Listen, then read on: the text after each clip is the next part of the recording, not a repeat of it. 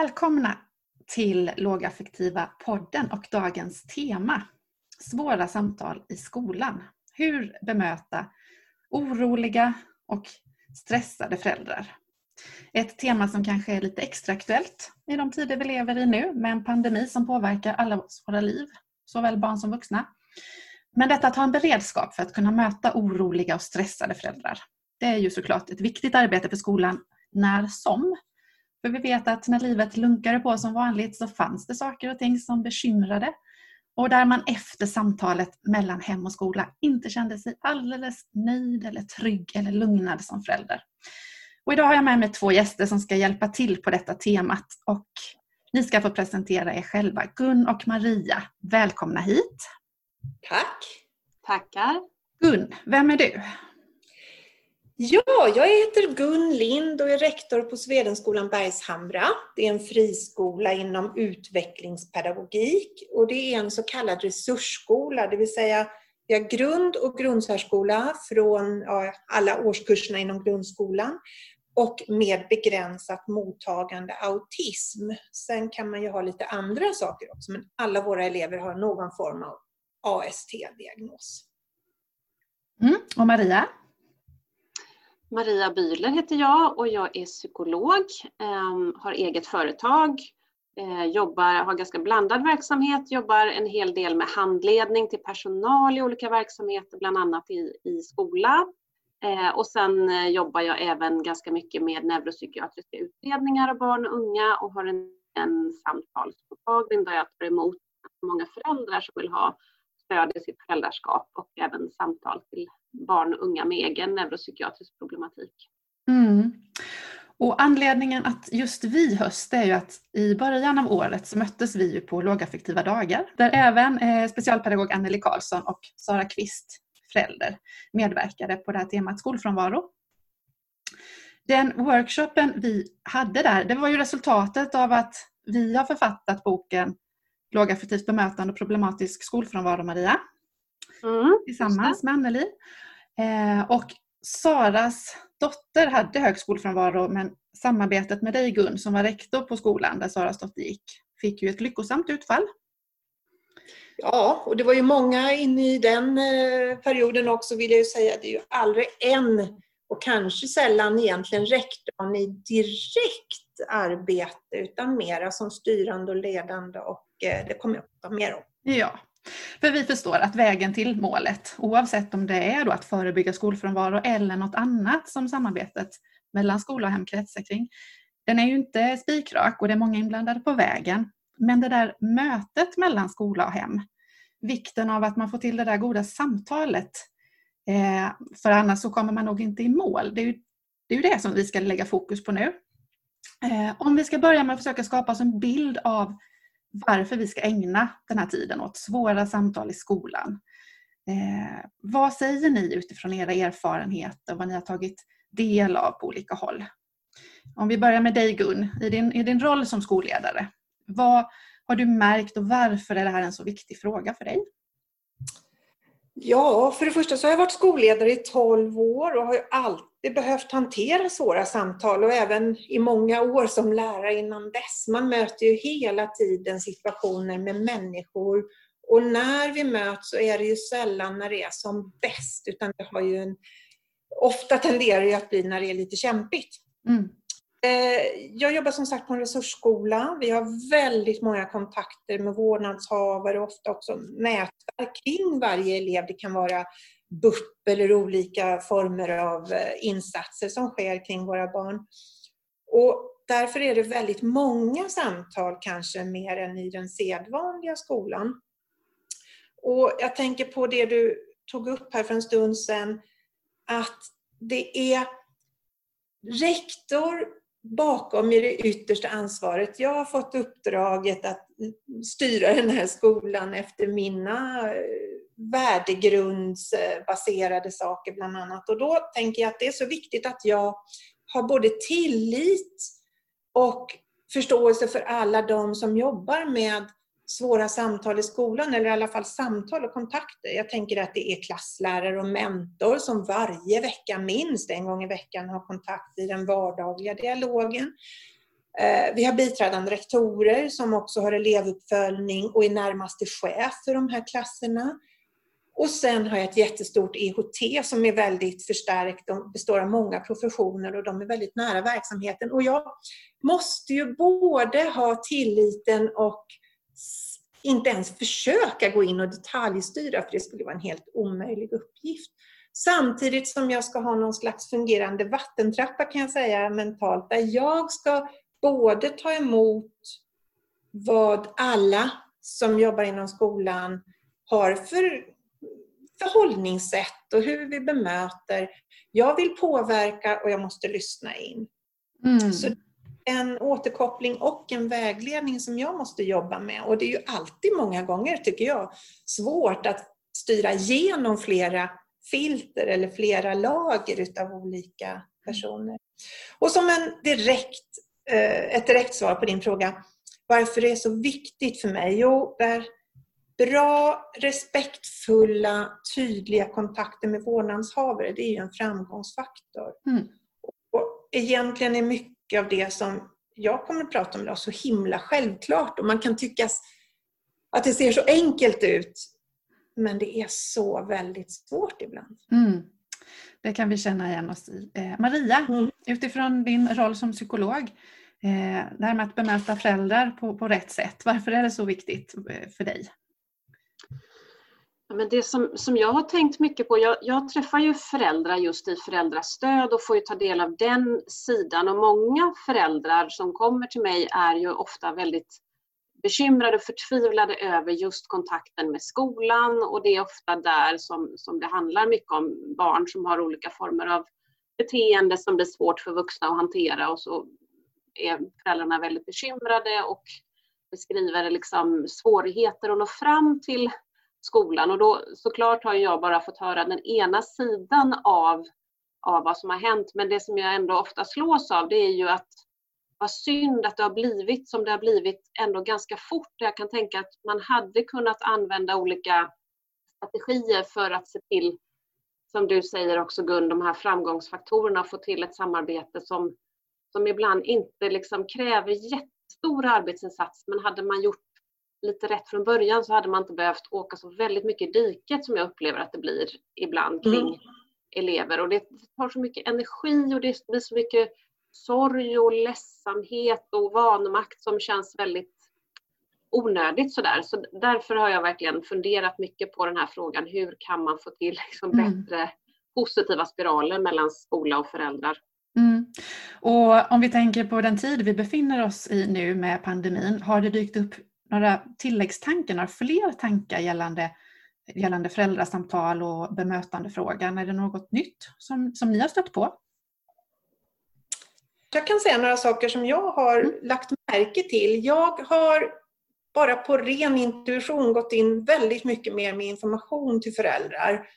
Eh, det har gått så snabbt i coronahanteringen också. Första veckorna, det hände massor. Det var riktlinjer som kom och ändrades och det var massor av information i samhället. Jag försökte tydligt att sammanfatta, det här är vad som gäller för skolan. Och det jag har fått är väldigt mycket positiv återkoppling. Och väldigt mycket tack för det ni gör i skolan. Vad bra att verksamheten är igång. Och jag tror att den där vardagslunken när man faktiskt känner av trötthet och frustration i en funkisfamilj. Det har blivit något annat nu. Man ser att den där vardagslunken, vad skön den var. Man har lite kunnat bli lite mer avslappnad. Mm. Ja, och Maria, Ja, men jag håller med det du beskriver Gun, delvis och att det har blivit en, en liten bekräftelse på att så här, så här har vi ju levt i, i alla tider. Har man ju hört många funkisfamiljer som, som har beskrivit. De, de är ju liksom proffs på detta. Så. Sen kan jag väl uppleva också att det, det har blivit ytterligare ett raster av ändå lite stress upplever jag från föräldraperspektiv där man då kanske inte får komma in i skolan, man får inte samma kontakt med lärarna och runt vissa av de här liksom ganska sköra barnen så blir ju det ytterligare en sak som blir liksom svårt för föräldrar som är väldigt beroende just av av kontakten. Så, ehm, så, så lite, lite, både och tycker jag att jag har sett. så. Mm. Absolut. Jag vill förstärka det du säger. Det lägger ju verkligen stress på redan stressade situationer. Oh ja. Mm. Och om, om, vi tänker att man vill få till ett så bra samtal som det bara går att få, eh, oavsett om det är extra mycket stress eller om det är den här vanliga vardagsstressen. Eh, vad har ni eh, utifrån era roller och märkt fungerar och vad tänker ni att man från skolans sida sett, det var de här eh, ja, komponenterna som skapar framgång. Vad behöver man då förstå och förhålla sig till för att det ska bli så bra som möjligt? Om vi börjar med dig Maria. Mm. Först skulle jag verkligen vilja slå ett slag för någonting som jag fick lära mig väldigt mycket på utbildningen och som jag då såg ner lite på men som jag verkligen ändå tycker är otroligt viktigt och det handlar ju om ramar som vi psykologer gärna pratar om. Men ramar är så otroligt viktigt att ha eh, liksom för att lägga en bra grund och det handlar ju om sådana här basala saker som eh, var ska mötet vara? Vem leder mötet? Där kan jag faktiskt om jag får vara lite kritisk, inte helt sällan när jag är ute på olika skolor blir lite självfrågande. Så här, vem är det som äger det här mötet? Det, det tycker jag är en bra grej att bara liksom ha, ha tänkt på innan man ska ha ett möte. Så där. Vem är det som äger det här mötet? Är, personligen kan jag tycka, är rektor med så är det alltid rektor som äger mötet för det är hennes eller hans skola. Så att det är tydligt uttalat. Vem, vem sköter, ska det skrivas minnesanteckningar, vem gör det, hur dokumenteras det, ska det skickas ut till någon, eh, hur länge håller mötet på, vad är syftet med mötet? Jag är en väldigt stor vän av det här att prata om uppmärksamhetsstörare. Ska vi tänka på våra mobiler? Ska vi sätta dem på ljudlöst? Och så vidare och så vidare. Så man liksom bara får till den här yttre ramen så att jag tänker just utifrån föräldraperspektiv att man kan känna sig liksom lugn och trygg så här. Okej, okay, det är hon som leder mötet. Han för anteckningar, jag kommer få en uppföljning, vi sitter här en timma, sen, sen kan jag skynda vidare och hämta mitt andra barn till exempel. Så där. Då, bara de små sakerna tycker jag har en väldigt, väldigt stor effekt för att få till just ett bra möte. Mm. Sen när man liksom har lagt den där grunden så, så tycker jag ju att den här bilden av den goda lyssnaren eh, brukar jag använda mycket när jag pratar just om samtal. Och den goda lyssnaren har ju liten mun, stora öron, stort hjärta och is i magen. Mm. Eh, och jag, jag, tycker att det är väldigt, väldigt eh, bra att tänka på just de där fyra komponenterna. Att framförallt så inledande med, med föräldrar om man ska ha ett liksom, lite uppstartsmöte, att nu behöver vi ta tag i någonting som kanske har varit jobbigt ett tag, så, så är det bra att liksom börja med att så här, prata så lite som möjligt, lyssna så mycket som möjligt, eh, tolka välvilligt blir det här stora hjärtat och ha is i magen. Ha inte för bråttom i liksom svar eller det här med att, att lova saker. Så. Mm. så de fyra komponenterna tillsammans med de här yttre ramarna tycker jag ger någon slags bra grund att hålla sig till. Mm. Och, och Gun, känner du igen det här? Är det, är det lätt att efterleva det, de här äh, råden som Maria ger? Vad kännetecknar annars de mötena där du känner att nu var det riktigt bra feedback här? Jag vill säga, ena delen av din eh, fråga, känner jag igen och är det här klokt? Absolut! Den andra delen, är det lätt? Inte alltid. Det hänger ihop med väldigt många faktorer. Men det är helt klockrent det du säger Maria det finns väl en anledning till att vi fortsätter prata efter att vi har börjat träffas. Eh, vi ser väldigt mycket som hänger ihop i det här. Och om jag inte har fått feedback ifrån föräldrarna så har jag i alla fall bedömt att det har blivit väldigt bra när vi gör mycket av precis det som du säger Maria. Återigen det här med lyssna, att man inte kommer med färdiga lösningar, att lösningarna kan få vänta lite. Att skapa det här eh, respektfulla, lugna samtalet. Jag har ju en bild som jag försöker i min, om jag då får prata om den här vattentrappan, att jag ska lägga mina värderingar tydliga med alla de samtal som vi ska ha på skolan ska färgas utav vissa förutsättningar. Och jag tycker det är jätteviktigt att vi ska både ha en gemensam dialog kring problematiken, Men vi ska också ha en pedagogisk roll. Vi ska våga ta våra professionella beslut och inte bara eh, fara ut efter att vad föräldrar kanske ibland vill ha för lösning. Jag brukar prata om radhustäppan. Man tänker den här längan med en liten plätt utanför, kanske en häck eller ett staket. Och den som har granntomten äger ju sin tomt och måste få bestämma över den. Över häcken och staketet så kan vi stå och prata och vi kan ha en jättegod dialog och det kan vi verkligen i skolans värld. Mentala staketet mellan hemmet och skolan ska vi verkligen prata bra över. Men sen är vi pedagoger och innanför vårt staket ska vi säga vad vi bedömer är rätt för eleven i den här situationen. Jag tror också att när man utgår ifrån att alla vill väl, vi på skolan vill väl, den som föräldern kommer in med, med sin stress och frustration vill skapa samarbete och ömsesidigt förtroende. Det, det utgår jag ifrån. Sen tänker jag också att ramarna hänger ihop med vad du sa där Maria att man dokumenterar, att man gör överenskommelser tydligt, att man har en systematik och att man inte springer på allting med en gång. Då blir sakerna mycket bättre. Mm. Mm. Får jag fylla på där med, med, din fina bild om radhustäppan Gun? Jag, jag gillar ja. den jättemycket och jag, jag pratar också mycket om, när, mycket när jag är ute och handleder sådär, att man, vi behöver ju alla jobba i våra fyrkanter, det låter lite tråkigare än din radhustäppa, men att man liksom reflekterar lite över sådär, var är min fyrkant som till exempel skolpsykolog, var är pedagogens fyrkant, var är förälderns fyrkant? Ibland kan det handla om habilitering, socialtjänst, BUP och det som min erfarenhet att där det verkligen kan börja liksom gnissla, det är om man för mycket just går över på den andras fyrkant och börjar uttala sig väldigt mycket. Och det är går ju från båda hållen tycker jag. Att om, ja. om skolan för mycket liksom lägger sig i vad som händer hemma på ett sätt som kan upplevas liksom eh, ifrågasättande, då, ja. blir det lätt att föräldrar går i försvar.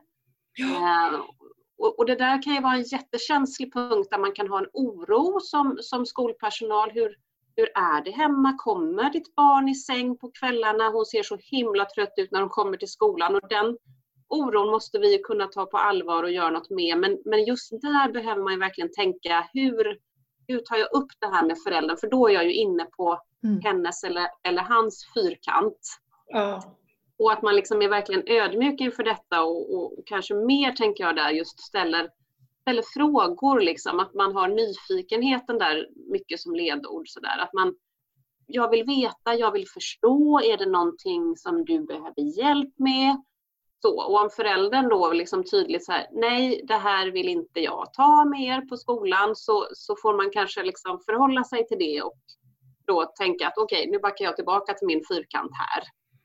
Och sen precis som du sa Gun också, så är det ju likadant åt andra hållet. Men, men där tänker jag också att det finns ju någon slags makt, maktobalans där, där man som skolpersonal per definition har mera makt än man har som förälder och där föräldern då kan ta sig lite mer friheter och tycka saker mm. sådär om skolan. Sen, sen tänker jag precis som du Gun att det innebär ju inte att man som skolpersonal måste liksom säga ja till allting som föräldrar begär. Men man kanske ibland kan vara, få, behöva vara lite mer så här, okej, okay, du tycker att vi ska skaffa en, elev, en elevassistent. Ja, det kommer inte gå, det vet jag som rektor. Men, men eh, vi, vi, kan, vi kan prata om det och vi kan ha med det som ett råd just nu. Ja. Ehm, men, men det är jätteviktigt såklart från båda håll att man tänker lite vad, vad är min fyrkant och vad är din fyrkant? Det underlättar verkligen samarbetet tror jag. Mm.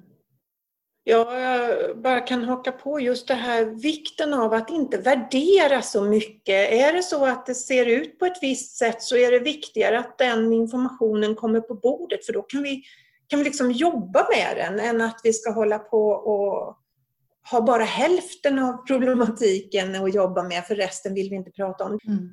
Förutsättningarna i den här situationen, vad kan vi påverka? Jag kan till exempel bara säga att om en förälder vill och vi måste få in en specialpedagog. Vi, vi kräver en specialpedagogisk insats om en timme i veckan. Då är det ju min uppgift att tala om att ja, fast om den specialpedagogen bara jobbar en timme i veckan så blir det inte så bra. Det är bättre om specialpedagogen jobbar med hela klasslaget, de som jobbar kring eleven, så att eleven får det specialpedagogiska synen och arbetssättet hela skoltiden, då har den där timmen blivit mycket mer värt. Men jag måste ju förklara varför det ena är bättre än det andra. Mm. Att, att tydliggöra varför man gör de beslut som man gör, tänker jag blir eh, bekräftande också någonstans. För, för det finns ju ett behov som föräldern har där bakom. Någon. Det kan ju vara ja, behov av att känna tillit till skolan, att man tar ens problem på allvar och så. Ehm. Ja. Och sen tänker jag att många föräldrar är ju inställda på att samarbeta, såklart. Men sen kan jag också tänka mig att man kommer att hamna i möten med föräldrar där det, inte, det går inte så smidigt. Eh, vad säger ni? Eh, hur kan man stötta upp mötet och bemötandet främst, tänker jag, eh, med föräldrar som det kanske är svårt att nå, svårt att få information ifrån. Eh, om vi börjar med dig Maria, känner du igen det jag försöker beskriva? Mm, absolut. Dels tänker jag på det här som, som du inledde med Therese, det här med stressen. Att jag tänker att liksom, i princip alla de här föräldrarna som, som jag träffar och som, som där det kanske liksom riskerar att bli lite gnissel, det är ju föräldrar som har barn som utmanar, tänker jag. Då har man per definition en liksom mycket högre grad av stress som förälder när man ofta har det varit liksom en historia kanske redan från förskoleklass att det rings hem och man, man försöker få ihop både sitt arbetsliv och så får man ständiga telefonsamtal om att Cassandra har gjort någonting idag igen. Och så, och så har det legat kanske under ganska många år vilket gör att man kanske är lite mer defensiv och att man är mer stressad. Och det kan ju vara bra ibland att bara tänka på som, som skolpersonal. Tänka att hur, hur, hur agerar man under stress och press? Jag, personligen blir jag ofta lite mer eh, ilsken när jag är stressad. Så, och det tror jag är en ganska vanlig mm. reaktion, att man blir lite mer, man kanske får ett annat tonfall, man låter lite, lite otrevligare, man har inte samma liksom, marginaler att vara liksom, mm. skön och smidig i ett samtal. Sådär. Så bara, bara där tänker jag att, att det kan vara bra liksom, just att göra den tankelopen att okej, okay, det här kanske mest är uttryck för en väldigt stressad förälder hon kanske inte är jättearg på min skola eller mig som pedagog egentligen, utan hon, hon är stressad eller han är stressad. Sen tänker jag att, att det kan vara bra också att tänka att just samtalet eh, öga mot öga är ju en av de absolut svåraste formerna för kommunikation. Mm. Um, och, och det finns ju liksom sårbarheter som eleverna har kan ju också finnas hos föräldrar. Man kan ha svårt att koncentrera sig och sitta en hel timma till exempel, sitta på en stol och lyssna på människor som pratar en hel timme kan ju vara jättesvårt om man till exempel har ADHD själv som förälder. Det är jättemånga föräldrar som har ADHD. Mm. Jag brukar, nu, nu har jag ett annat läge som jag ofta får liksom höra kanske lite mer om vad föräldrar själva har för mm. diagnoser och sårbarheter. Men, men då kan man ju liksom erbjuda så här, behöver du stå upp lite? Behöver vi ta tätare pauser? Och då, då liksom erbjuder man någon form av anpassning då som också gör liksom att samtalet blir lite smidigare där föräldern kan känna att okej, okay, här är det, här är det okej okay att vara på mitt sätt. Jag kanske får stå en liten stund om jag behöver det.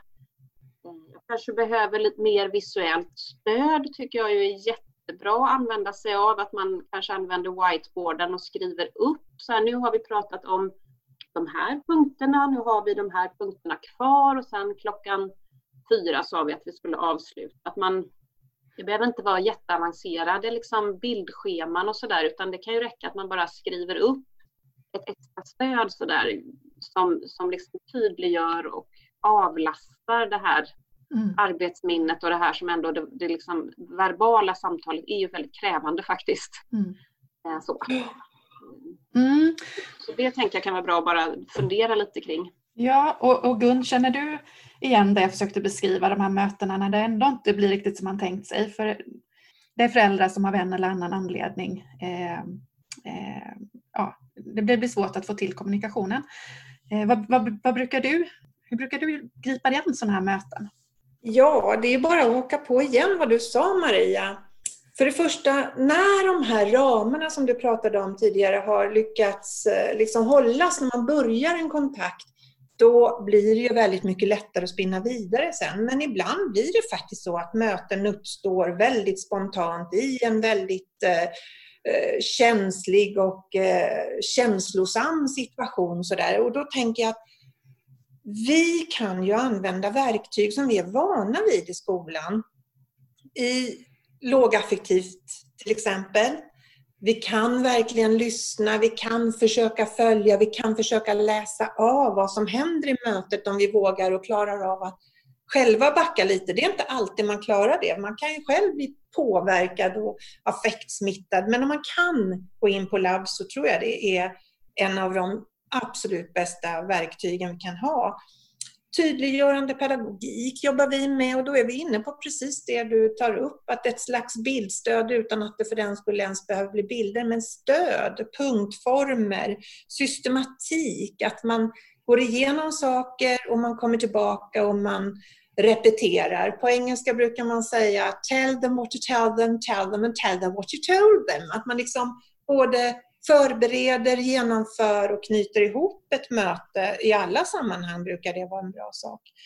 Jag tänker också på att man kan vara lite smart när man väljer vilka kompetenser, professioner som går in i mötet. Vad är det det handlar om? Kan vi förutse vad vi behöver jobba vidare med? Ja, är det psykologen eller är det kurator eller är det en chef? Eller vem är det som har sin kompetens bäst att komma in i det här mötet med. Och återigen, jag sa det förut, jag tycker att det här är så självklara saker och man vill ha det så här. Mm. Men ibland så går det faktiskt inte riktigt lika bra som man hade önskat och då, då tänker jag, på't igen! Ge inte upp, man kan påverka och jag kan utgå ifrån mig själv. Jag kanske kan ändra mig på något sätt. Du säger Maria, om jag, om jag möter en förälder som verkar ha svårt med en viss sak. Jag kan ju försöka utgå ifrån att det är kanske så att föräldern har svårt med det och då behöver inte jag veta något om någon diagnos för det. Men jag kan bara tänka att åh, jag ger lite utrymme, jag ger lite eh, möjlighet att eh, fippla med mobilen just därför att det behöver nog den här föräldern. Jag behöver inte lägga så mycket värderingar på det. Och då kan jag kanske någonstans eh, nå in med tiden. Så tid. Tid och ansvar och acceptans låter det som där blir eh, några av ingredienserna i alla fall. Mm. Ja. Får jag bara haka på det där du sa på engelska där Gunja. Jag tänker också att det är en sån väldigt smart, enkel eller enkel ska jag inte säga, jag tror man behöver träna sig lite på det, men den här tekniken att liksom summera vad, vad man har sagt under framförallt de här lite svårare mötena, så där att nästan liksom härma lite sådär vad föräldrarna sagt. Så nu om jag tolkar dig rätt, mm. så säger du att Cassandra mm. upplever att det är väldigt stökigt alltid på fritids och hon vet inte vad hon ska göra. Är det det hon säger när hon kommer hem och berättar? Att man, man verkligen är noga med att så här, vi har uppfattat samma sak på ett möte det tycker jag ofta. För då kan man ibland få, få korn på så här, nej, nej det var ju inte alls det jag menade. Jag pratade ju egentligen om själva hämtningen, när ska jag komma och hämta Cassandra? Det är då jag tycker att det blir så väldigt mm. Okej, okay, bra, viktigt att vi fick fram det. Ja. Då är det det som, vi, som är viktigt just nu. Det är en, en bra, liksom, ja, men en ganska effektiv strategi. Ja. Mm, absolut jag tänker om vi jämför lite grann med de här samtalen som vi har pratat om nu. De, I min föreställningsvärld så har de varit in real life. Vi har suttit runt ett bord så. Eh, men i och med eh, den här våren och, och, och, kanske också framåt så kommer de digitala samtalen att öka. så. Finns det några, ni kanske har haft massor av sådana digitala samtal. Eh, finns det några utmaningar som, som följer med att man kanske inte ses eller att bilden laggar och, och så vidare. Eh, Gun, har du haft många online-möten och vad har, vad har du märkt utifrån dem i så fall? Jag har haft massor av, av online-möten men jag har faktiskt inte haft något, vad ska jag säga, nytt ärende med någon förälder och det är jag just nu väldigt tacksam för, för där är det ju svårt. Där skulle jag ju... Eh, det är ju lättare att följa upp på på telefoner och andra online-medier om man redan har en etablerad kontakt. För det där första känsliga när man kommer in, den, den tror jag är rätt så kämpig på ett online-möte. Men eh, ofta har vi faktiskt haft telefonsamtal i uppföljningar, även flerpartssamtal. För det, det är också att den nya tekniken kan vara både skrämmande och lite svårtillgänglig. Och, Eh, jag kan säga att jag märker det på de möten jag sitter i, som jag, grupper och ledningsgrupper, rektorsgrupper som jag annars alltid har ett väldigt eh, liksom, givande möte med, de känns ganska tunga eller jobbiga att genomföra ibland därför att man får koncentrera sig så och det är ett väldigt speciellt forum när man ska prata en i taget. Det märker väl vi också i ett sånt här möte. Att vi, vi, kan inte riktigt förstärka och haka på som man gör i ett naturligt samtal. Och ska man då eh, visa en förälder som just nu öppnar sig om en problematik som finns hemma eller kring ett barn, då vill man ju så gärna förstärka och vara med och så blir det inte riktigt möjligt. Så jag kan säga att i valet mellan olika moderna tekniker så tror jag faktiskt att telefonsamtalet just nu skulle vinna i min värld. Och kommunikation är ju svårt nog, så nu läggs så många filter till att vi får väl kanske backa lite och göra det så enkelt som möjligt i det. Mm. Och Maria, vad tänker du om, om digitala samtal? Ja, nej men jag håller med det som du säger Gun. Jag har också haft väldigt många digitala samtal. Sen kan jag ju tycka att det, det öppnar ju upp möjligheter, har jag ju sett jättetydligt den här våren, för folk som inte kan ta sig till min mottagning till exempel av olika orsaker och som sitter runt om i landet och sådär. Så men, men det kräver ju verkligen just det här förstärkandet som du pratar om Gun, att man måste vara liksom väldigt tydlig i sin mimik och, och liksom lägga sig vinn om så här, jag hör vad du säger och liksom allt det här som man annars gör väldigt mycket mer subtilt så. Mm. Eh, så att, ja, det, det, tar mycket mer energi, det håller jag verkligen med om. Mm. Ja. Om vi ska sammanfatta lite grann. Eh, väldigt kort, kanske summera på en mening eller sådär. Vad vill ni skicka med den som har lyssnat? Gun, vad vill du skicka med till skolpersonal som har lyssnat? Fortsätt lyssna. Lyssna föräldrarna och försök komma fram till kärnan och våga vara pedagog och stå för de kompetenser som vi har. Och skapa rätt förväntningar tycker jag är viktigt. Vad kan vi göra? Vad kan vi inte göra? Mm. Då, om man har rätt förväntningar så är det lättare att ha det där förtroendet och tilliten till varandra. Mm. En tydliggörande pedagog lät det som där. Ja. Eh, Maria, vad vill du skicka med till den förälder som har lyssnat? Um, till den förälder som har lyssnat. Uh, då skulle jag nog säga att uh, våga vara tydlig. Jag tycker jag träffar många föräldrar som liksom är väldigt präglade av mediedebatten och som säger att äh, jag vågar inte kontakta skolan för jag vill inte vara den jobbiga föräldern. Det tror jag inte är bra, utan var tydlig men, men visa respekt såklart. Uh, och, och jag tänker att de flesta är medvetna om att alla i skolan är människor som jobbar och som gör allt de bara kan. Liksom. Men, var tydlig och eh, försök samverka så långt det går. Eh, så tänker jag. Eh, sen, sen, tänker jag att mycket av det här också handlar om vilket mottagande man får som, som förälder såklart. Och, eh, och det, ibland är det svårt och då kanske man också behöver jag brukar prata med mina föräldrar mycket om att finns det någon på skolan man kan kroka arm med liksom, och bygga allians med. Det kan ju vara en fritidspedagog, en specialpedagog där man känner att men här, här hittar jag någon som liksom kan lyssna på mig. Börja där och så försöka hitta liksom positiva spiraler mm. till resten av skolan. Mm.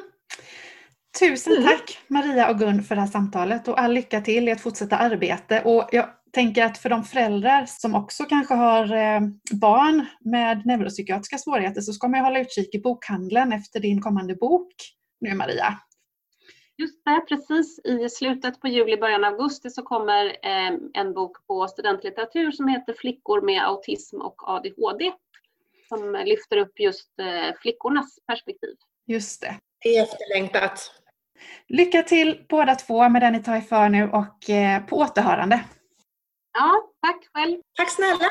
Hej! Ha det så bra. Hej hej! Samma. Hej!